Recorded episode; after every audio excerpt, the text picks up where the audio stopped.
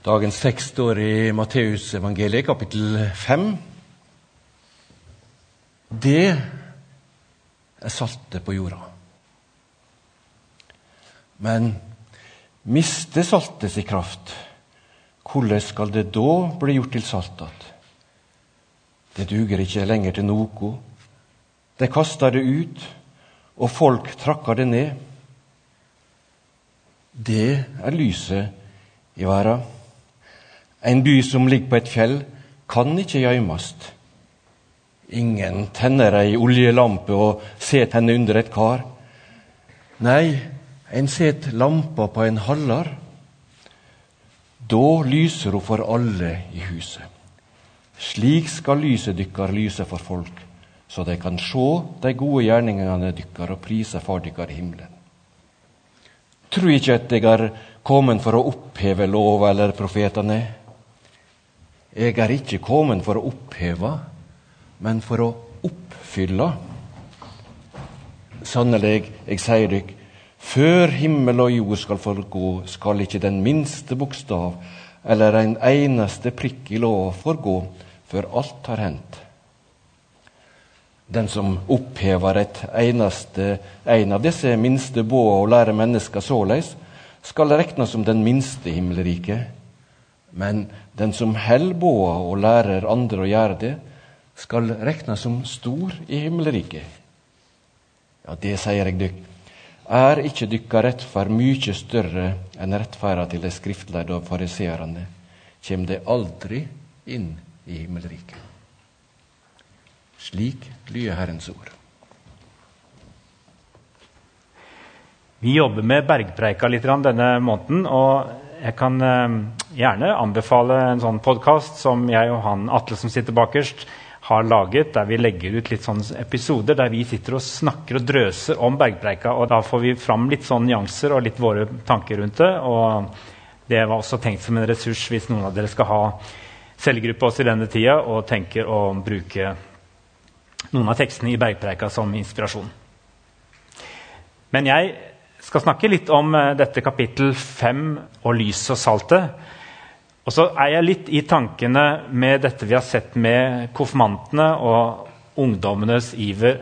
Jeg vet ikke om du la merke til Aller siste sekvensen i den eh, videoen vi så, det var, eh, det var da altså konfirmantene sjøl, noen av de, som, som springer opp og, sånn, og tar og synger på en sang som de kunne veldig godt. For de hadde sunget den opp igjennom på leirer, og sånn, og så sang de av full hals med bevegelser. og hele tiden, og det var den her, du, Jesus spør om du er tøff nok. Og det handler jo om akkurat egentlig denne konteksten som Bergpreika tales inn i. Med noen disipler som blir kalt til å stå opp og til å, gå, til å være litt mer radikale enn det andre folk rundt seg er, fordi de skulle følge han. Og den tøffheten som han ber dem om å ha, den vet jeg at en god del av oss foreldrene som følger ungdommene, vi blir litt sånn bekymra for sånne sanger og sånn undervisning og forkynnelse. At de liksom, nå, skal de være, nå skal de stå sånn veldig på. Og, og, da kan det hende at mange av dere som er her nå, for når jeg ser utover nå, så er det de aller fleste som nå sitter og lytter, dere er godt voksne. At mange av dere hører den teksten som er lest, og så får dere massevis av tanker i hodet om ja, men hvordan er dette mulig? Og, og veldig kraftig kost om radikaliteten Jesus har inn imot lovene. Der vi kanskje er vant til å tenke var det ikke sånn at det skulle være så lett i forhold til Gammeltestamentet. Når Jesus hadde kommet, skulle det ikke være et lett liv å være kristen. Og så kommer han her, og så er det han sjøl som sier at Nei, jeg sier dere, den som tar bort noe som helst av det som er blitt pålagt dere. Det er ikke det, sier han. Jeg er kommet for å ta vekk, men jeg skal oppfylle, og dere skal være med meg på å oppfylle.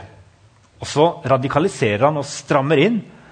og Derfor er det en del av oss som hopper litt bukk over bergpreika, for vi syns den blir litt krevende. Og Derfor er vi i den nå litt over tid. Vi skal innom den også på leir, og så skal vi innom den på siste gudstjeneste før sommeren. Les gjerne og still spørsmål. La oss undre oss. Men eh, ikke vær for rask til å si 'dette går ikke', 'dette er ikke en del av vårt liv i dag'. Og ikke vær for rask til å si til ungdommene at dere må ikke ta så veldig på alvor det Jesus sier. For det er veldig typisk. At vi ser på tekster litt i sånn livsløpsperspektiv. Og så pådytter vi ungdommene kanskje noe av det vi har behov for. For vi er, mange av oss som er her nå, vi er i en sånn livsfase der vi har et behov for å på en måte ikke ta munnen for full og ikke love for mye. Og så tenker vi at Sånn skal også ungdommen ha det. Og så glemmer vi at vi har alle vært ungdommer som faktisk trenger radikaliteten, og som trenger denne voldsomme idealismen, og som trenger å høre at det å være kristen det betyr faktisk å få lov til å være med å forandre verden. Hvis vi for raskt sier må ta litt med ro nå, dette kan gå galt, og så, og så blir det litt sånn som Trygve Skaug synger, at vi ønsker at barna skal være skuddsikre, så er det ikke mulig, det. Det å følge Jesus og ta imot det radikale budskapet om å gå og ikke bare være salt, eller vær det som dere allerede er, sier på en måte Jesus. Dere er lys og salt. Og saltet mister sin kraft hvis det blir værende inni, inni i skapet. Dere er lys, og lyset har ingen mening hvis det ikke kommer opp på fjellet og lyser for alle. Og det jeg tror de unge hører, det er Yes! Det betyr noe. Jeg skal være med å bety en forskjell. Ikke alle, men mange opplever at det er det som drar dem inn og gjør det interessant å være en kristen. Og vi skal ikke være for raske til å dempe, dempe, dem og si vær forsiktig nå, for dette kan gå galt. Det kan gå galt, og det går ofte galt. Det gjør det ofte uansett. Også om vi ikke slipper dem til. Om vi holder dem igjen og ikke gir dem utfordringer, ikke lar dem få lov til å følge Jesu radikale kall. Sine liv. Så det, det, hadde jeg lyst til at dere skulle ha med dere inn som en ramme når vi leser og hører Bergpreika i sin helhet, men ikke minst disse ordene her om å være lys og salt. Og så Seinere sier han også noe om hva det betyr i praksis. Og Det er jo først og fremst da godhet det handler om. Saltet som metafor. Det tenker jeg er litt sånn viktig å ha med seg. fordi at Salt er for oss vel, veldig fort bare sånn krydder i tilværelsen. Og vi tar det vekk fordi vi tenker det er ikke så sunt lenger. Så hvis vi kan klare å spise maten uten salt i, så er jo det bra. På Jesu tid så brukte de salt fra Dødehavet. Det samla de inn, og så brukte de det som et eh, tilskudd i jorda. Og det var med å gjøre jordsmonnet bedre. Jeg tror det var å bevare jorda, men også å gjøre den mer fruktbar. Det var en form for forbedre jordas bæreevne.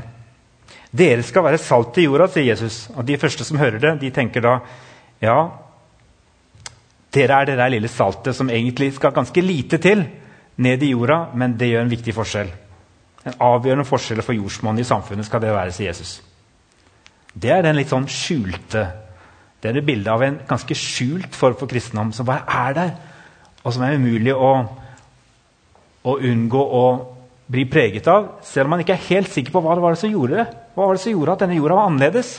Hva var det som gjorde at dette, dette klasserommet var annerledes, eller denne arbeidsplassen var annerledes?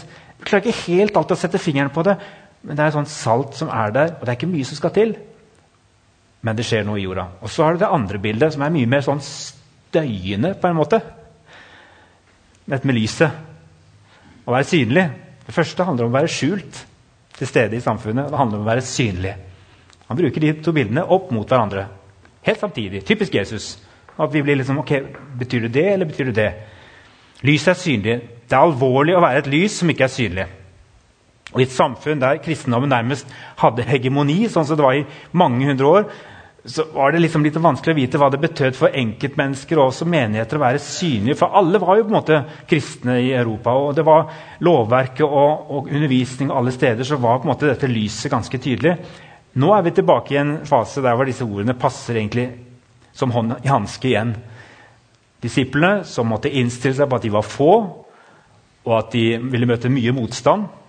At de i hvert fall ikke kom til majoritet i samfunnet på veldig lenge. De fikk beskjed om å ikke la lyset være usynlig, men komme opp og vise seg fram. Derfor tror jeg at bergpreken har litt renessanse i våre dager, fordi den passer veldig godt i en tid som vi lever i. To av bøkene som er kommet i senere år, er eh, Magnus Malm, som skriver om boka 'Et hjerte større enn verden', som er en spennende sånn bok der han prøver å ta på alvor det Jesus faktisk sier, og analyserer noen av de vanskelige ordene også. Den andre boka er denne av Oskar Skarsaune, 'Etterlyst bergprekenens Jesus'. Den er knallgod, og som mange har fått glede av fordi han hjelper oss å gjenoppdage hvor langt unna vi er kommet bergpreika i våre kirker, spesielt her i vestlige del av verden. Og så løfter han det opp, og så sier han ikke at dette er lett. men Han, han tar på en måte ikke bort brodden, men han lar det stå der. Og så sier han det var faktisk dette Jesus mente da han sa døp dem og lær dem å holde alt det jeg har befalt dere. Av hva essensen kommer i Matteus 57. Les den, og da har vi på en måte litt sånn oppskriften. Uten at det gjør det så mye enklere sånn i konkret handling, men det er et eller annet her. Det var ikke sånn at det manglet på lover og bud og regler på Jesu tid. å strekke seg etter å leve etter, Men Jesus han kom jo med disse inn i en sammenheng der det er fariseerne og de skriftlærde som har fått lov til å snakke mest om det. Og Hva var kjennetegnet for deres måte å, å legge fram lova på? Jo, det var at det var veldig fokusert mye på at en skulle elske Gud og være lovlydig mot Han. Og så passet de da veldig på at alle disse reglene som kanskje særlig gikk på forholdet til Gud sånn direkte, sånn vertikalt, i forhold til offerpraksis, sabbat og sånne ting, det, det ble framstilt som at hvis ikke du gjør dette her nå, så, så er du ikke på den rette vei. Men så tror jeg Jesus hadde et behov for å vi ser det Når han kommer med det dobbelte kjærlighetsbudet, så hadde han et behov for å si hør, det går ikke an å bare elske Gud uten å elske nesten. Og Derfor så er spesielt kapittel 5 i Veiprekenen, Matteus kapittel 5, er særlig en konkretisering av det han sier om å elske sin neste som seg selv. Han holder det fram som like viktig som å elske Gud. Og at det er umulig å skille de tingene fra hverandre. Og Derfor blir troen for Jesus veldig praktisk. Og det var den kraftigste utfordringen han hadde til de skriftlærde på Jesus' tid. Hør, hva betyr det i praksis da, å elske sin neste? Ja, Da er det ikke først og fremst å påpeke alt din neste ikke gjør. For det var jo det var det de hadde med seg. Du skal ikke gjøre. Og den gylne regel for dem var også du skal ikke gjøre det mot andre som du vil at andre ikke skal gjøre mot deg. Og Så kommer Jesus og så snur han på hodet og så sier han, du skal være proaktiv. Du skal vise godhet proaktivt. Du skal være, Ved å være lys og salt så betyr det Og så kommer han inn på det på seinere i kapittelet når han sier Sett dere ikke til motverge mot den som gjør ondt mot dere. Om noen slår deg på høyre kinn, så vend også det andre til. Vil noen saksøke deg og ta skjorten din, så la ham få kappen også. Om noen tvinger deg til å følge med én mil, så gå to med ham. Gi til den som ber deg, og vend ikke ryggen til den som vil låne av deg. Ja, Dere har hørt det at du skal elske de neste og hate dine fiender. Men jeg sier dere, elsk deres fiender. Velsign dem som forbanner, gjør godt mot dem som hater dere. Be for dem som mishandler dere og forfølger dere. Slik kan dere være barn av deres far i himmelen. Hvis dere bare driver med denne gjensidighetsloven Det er det alle mennesker har helt naturlig. Det er at man, man, gir tilbake det man regner med at den andre har gitt. Eller reflekterer på en måte tilbake det den andre har gjort. Og, og, det samme med at man ikke gjør mot den andre det vi regner med at den andre ikke kommer til å gjøre mot oss. Det er en sånn gjensidighetslov. Men Jesus han etablerer en sånn proaktiv nestekjærlighetslov der han sier Og det går jo ikke an å, å lage sånne detaljerte lover og påbud på. For dette er jo det man må kalle for sånn godhetens Eller overraskende godhet. Sånn spontan, overraskende godhet. Eller det kan også være planlagt. Men det ligger i det sånn at det går ikke an å si at det, du skal gjøre det og løse det på den måten og vise godhet akkurat sånn. Da blir det dumt hvis jeg sier at det, det var fantastisk en gang å oppleve at en foran meg, eller bak meg i køen betalte for meg på butikken. Trakk kortet for meg fordi jeg ikke hadde det. Og så tenker jeg at det skal jeg gjøre. Det, det må alle gjøre nå. Det er nå påbudt. altså at Nå skal alle her, heretter trekke kortet for folk.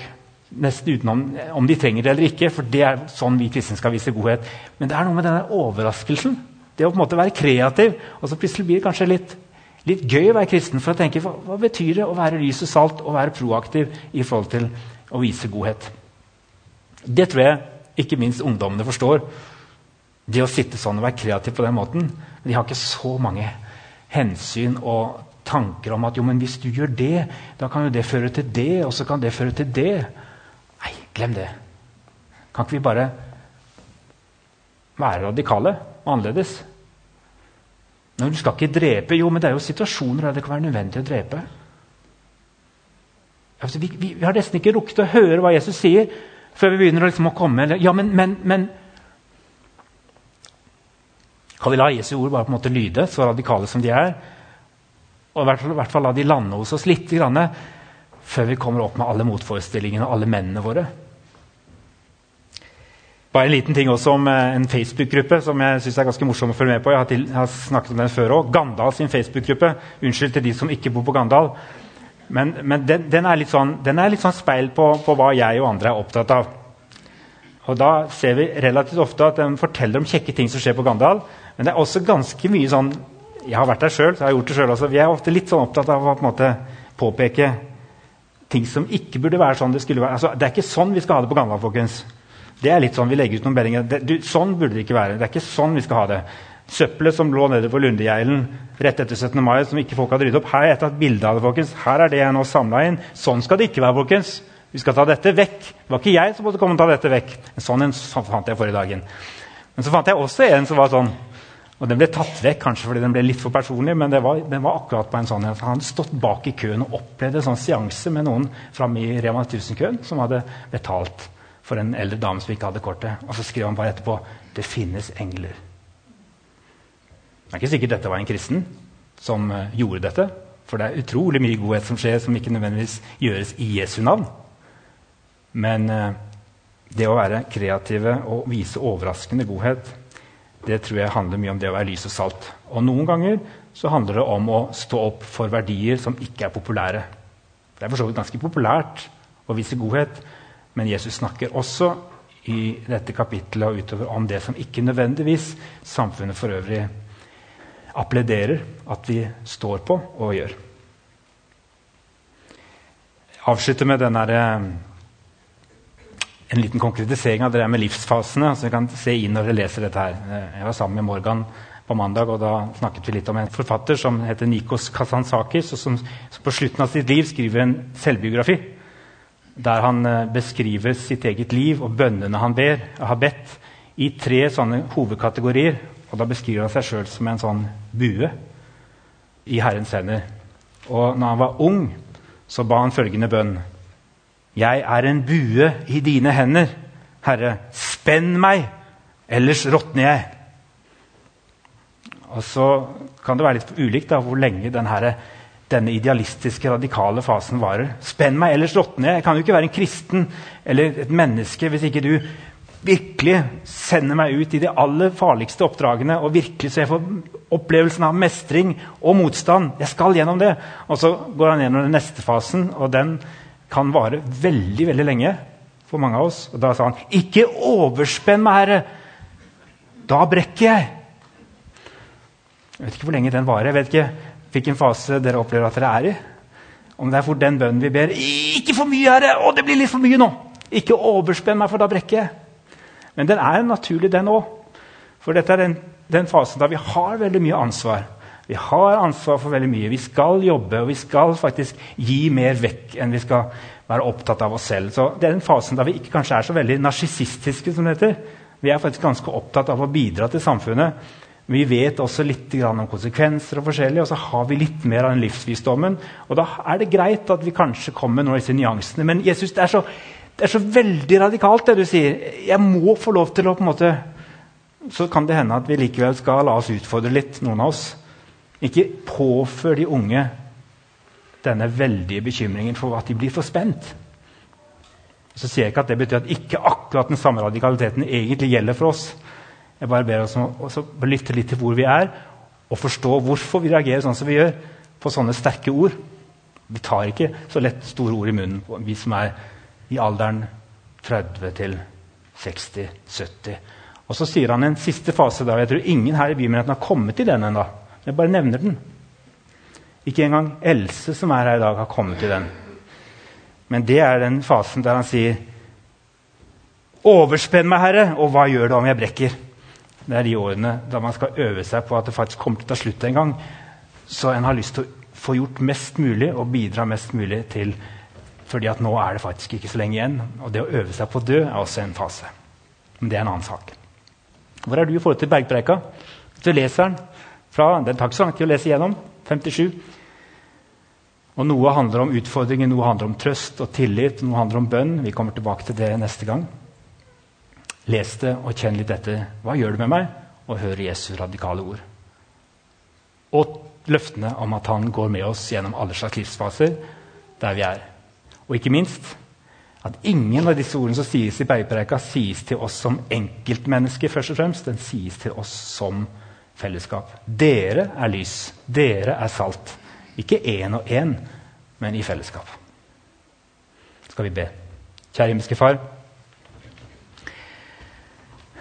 Vi, eh, vi, kjenner at eh, det er utfordrende å lese Bergpreika. og noen, Vi blir stimulert, og vi blir inspirert. Og vi blir også sendt på nytt. Hjelp oss både når vi skal leve dette selv, og når vi skal lære opp de andre, sånn som du har sagt det, og gi videre det som du har lært oss.